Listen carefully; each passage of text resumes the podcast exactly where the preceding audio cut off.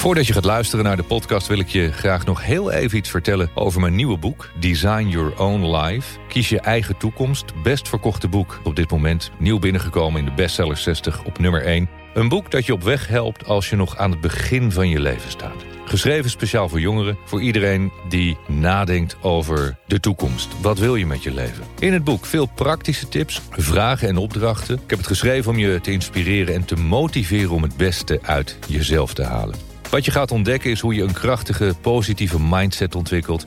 Hoe je omgaat met angst en stress, hoe je rust in je hoofd vindt... en hoe je invulling kan geven aan jouw meest ideale leven. Te koop bij iedere boekhandel en natuurlijk ook online.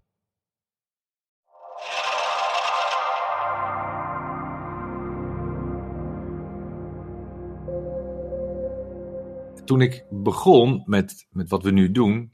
Uh, begon ik ook weer met helemaal niets, met nul. Cindy en ik waren samen. Cindy zei, waarom ga je hier niet meer mee doen? En zullen we dan met z'n tweeën hier een soort van klein bedrijfje van gaan maken? En inmiddels is het uitgegroeid tot een redelijk bedrijf. Um, maar je begint allemaal met niks. En als je begint, dan heb je ook niet al te veel geld om te investeren. Althans, dat is vrijwel altijd het geval als, als je begint met ondernemen. Um, nou weet ik wel dat ik het een en ander gespaard heb en dat ik heel makkelijk geld kan uitgeven. En soms moet je dat ook doen als ondernemer. Maar het is ook een kunst om heel creatief te zijn, hoe je creatief omgaat met geld en met wat je uiteindelijk wilt maken. En toen ik begon, toen wilde ik een paar hele mooie video's hebben. Echt hele erg mooie, op, op internationaal niveau mooie trailers. Toen heb ik een, um, een audio dingetje gemaakt, zo noemen wij dat. Audio dingetje in elkaar geknutseld, heb ik ingesproken. Dat ging over, um, um, hoe heet het toen? Wake, up. Living, ja, wake up, start dreaming, start, living. En daar had ik iets bij in mijn hoofd. Dat moest een heel mooie bioscoopachtige trailer worden met een heel mooi gevoel erin. En ik zal jullie vertellen hoe dit werkelijk is gegaan. Ik ben teruggegaan naar mijn, uh, mijn oude collega's met wie ik vroeger veel werkte bij uh, tv. Uh, freelancers die we inhuurden voor de televisieprogramma's. Toen heb ik gezegd van, goh, zou je dit voor mij willen monteren? Niemand wilde dat voor niks doen. Ik heb het ook niet gevraagd, maar iedereen zei van, ah ja, je weet wat het kost, 40, 50 euro per uur, willen wij dat wel doen. Um, toen was ik bij een van die jongens die ik echt heel erg goed vond. Toen zei ik van, oké, ga dat maar doen. Hoe lang ben je, denk je, bezig? Hij zegt, nou, dat heb ik in een dagje wel klaar. Ik zei, oké, okay, dat betekent één dagje dat het filmpje ongeveer 500 euro gaat kosten. Toen uh, stuurde hij mij na een uh, dag stuurde hij mij een eerste concept op van het filmpje. Oh, nou ja, concept. In zijn optiek was het af. In mijn optiek was het een concept zo van dit zou het kunnen worden. En het leek nergens op. En hij zei, nou ja, dit is het. Uh, ik stuur de factuur wel. Meer tijd heb ik niet.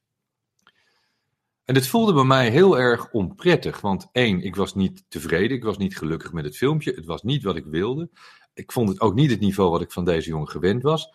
Hij stuurde wel een factuur voor dat bedrag. Wat ik best wel veel geld vond voor iets wat uiteindelijk niks was. En daarna zei hij ook nog eens: Ja, ik heb uh, andere dingen te doen. Ik heb geen tijd om het nog voor je mooier of af te maken. Mm -hmm. Oké, okay, nou ja, dan laten we het voor wat het is. Betaal ik jou die 500 euro als jij zo in elkaar zit, dan weten we dat. En toen ben ik naar een volgende gegaan. Ik zeg: Joh, luister, dit is het verhaal. Die maat van jou, die, uh, die gaat het niet afmaken. Uh, hoe wil jij dit gaan doen? Heb je een idee? Oh ja, ik vind het te gek en fantastisch en mooi en alles. Maar ik kan pas over drie weken beginnen. Ik zeg, ja, maar je weet, als ik iets wil, dan wil ik het nu. En uh, morgen is ook goed, maar als dat niet kan, dan, dan moeten we het niet doen. Zo ben ik een aantal mensen langs gegaan. En uiteindelijk kwam het erop neer dat niemand bereid was om dat voor weinig of voor niks te doen. En uh, voor normaal tarief had niemand er echt even tijd voor op dat moment. Ik zei, nou, dat is dan jammer. Toen heb ik het volgende gedaan. En dit is hoe ik vaak werk als ik met nieuwe dingen begin. Dit is ook hoe ik ben begonnen met, uh, met Dans in de Hemel, met het boek. Um, maar bij, bij de video's, dat was, ik praat nu over twee, drie jaar geleden, was dit wel een hele mooie testcase. Ik heb een korte oproep gedaan op een of andere website. Filmcrew, filmpartners, filmmakers.nl of zoiets. Er zijn er een, uh, een paar.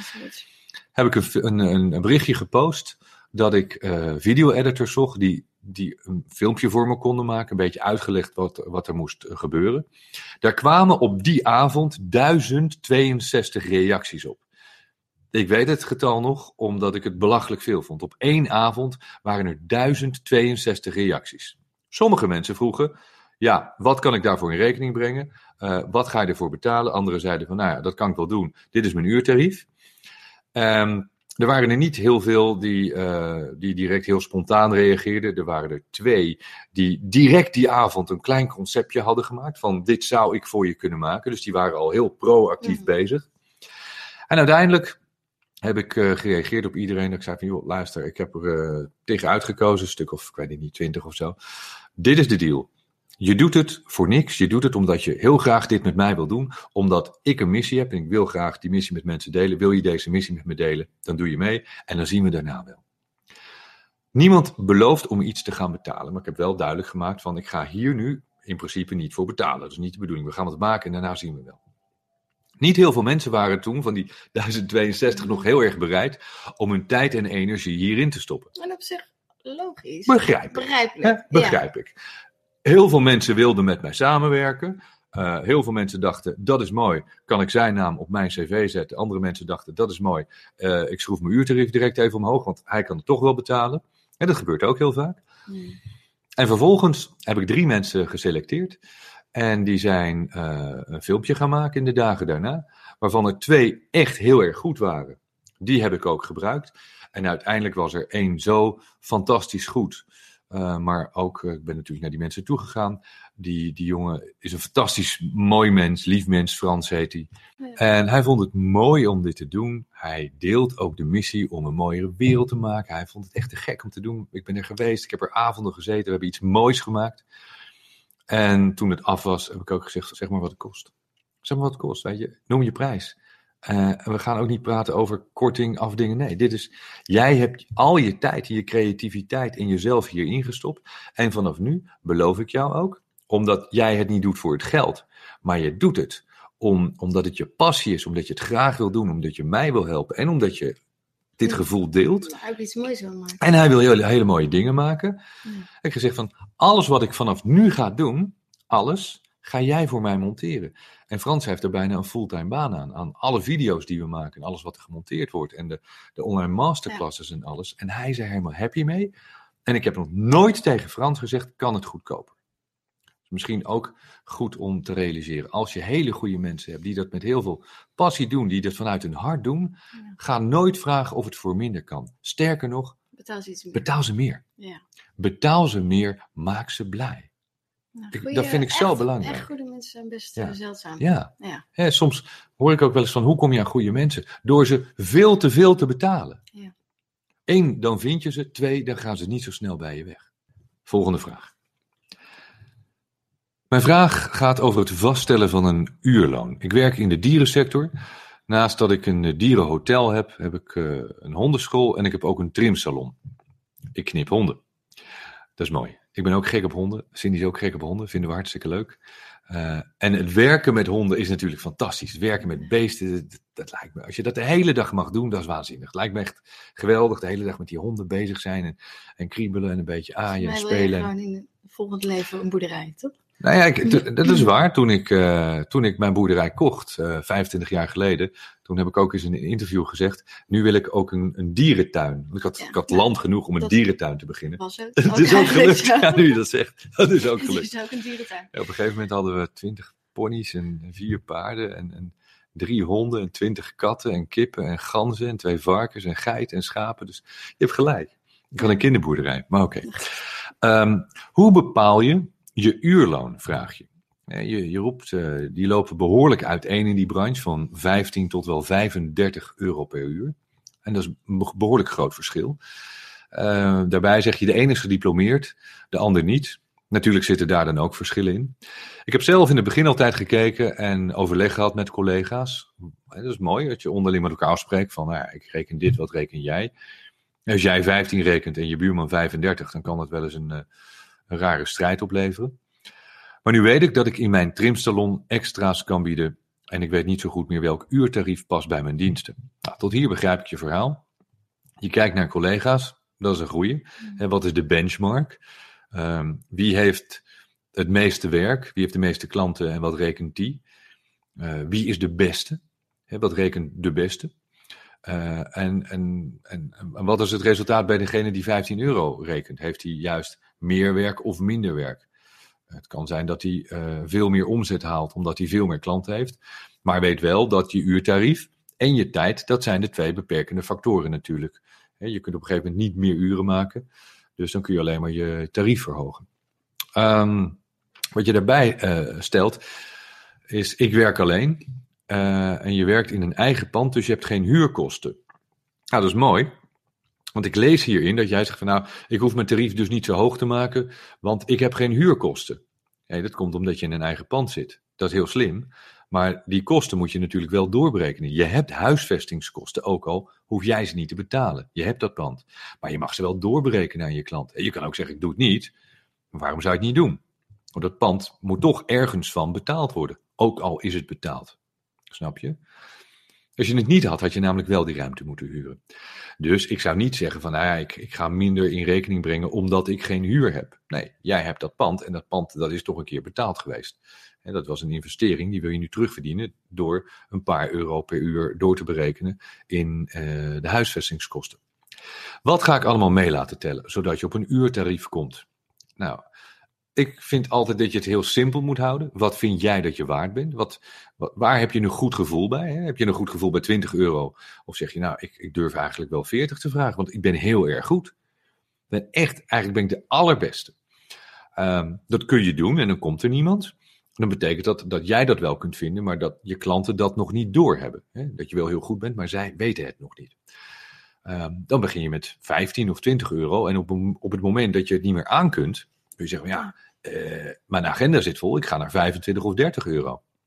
Ik begon met, met coaching, uh, één op één coaching. Ik denk dat mijn eerste tarief was 150 of zo, ja. weet niet meer zoiets. Toen uh, liep het heel snel vol. Toen heb ik er 225 van gemaakt. Toen dacht ik van nou, het loopt nog steeds vol. Ja, dus op het moment dat de vraag stijgt, kun je je prijs laten stijgen.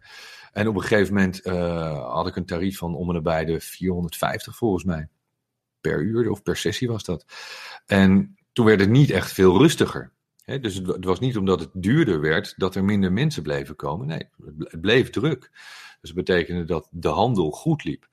Dus uh, je, zou, uh, je zou eens kunnen gaan kijken wat, uh, wat het resultaat is als je met, met zo'n 20 euro begint.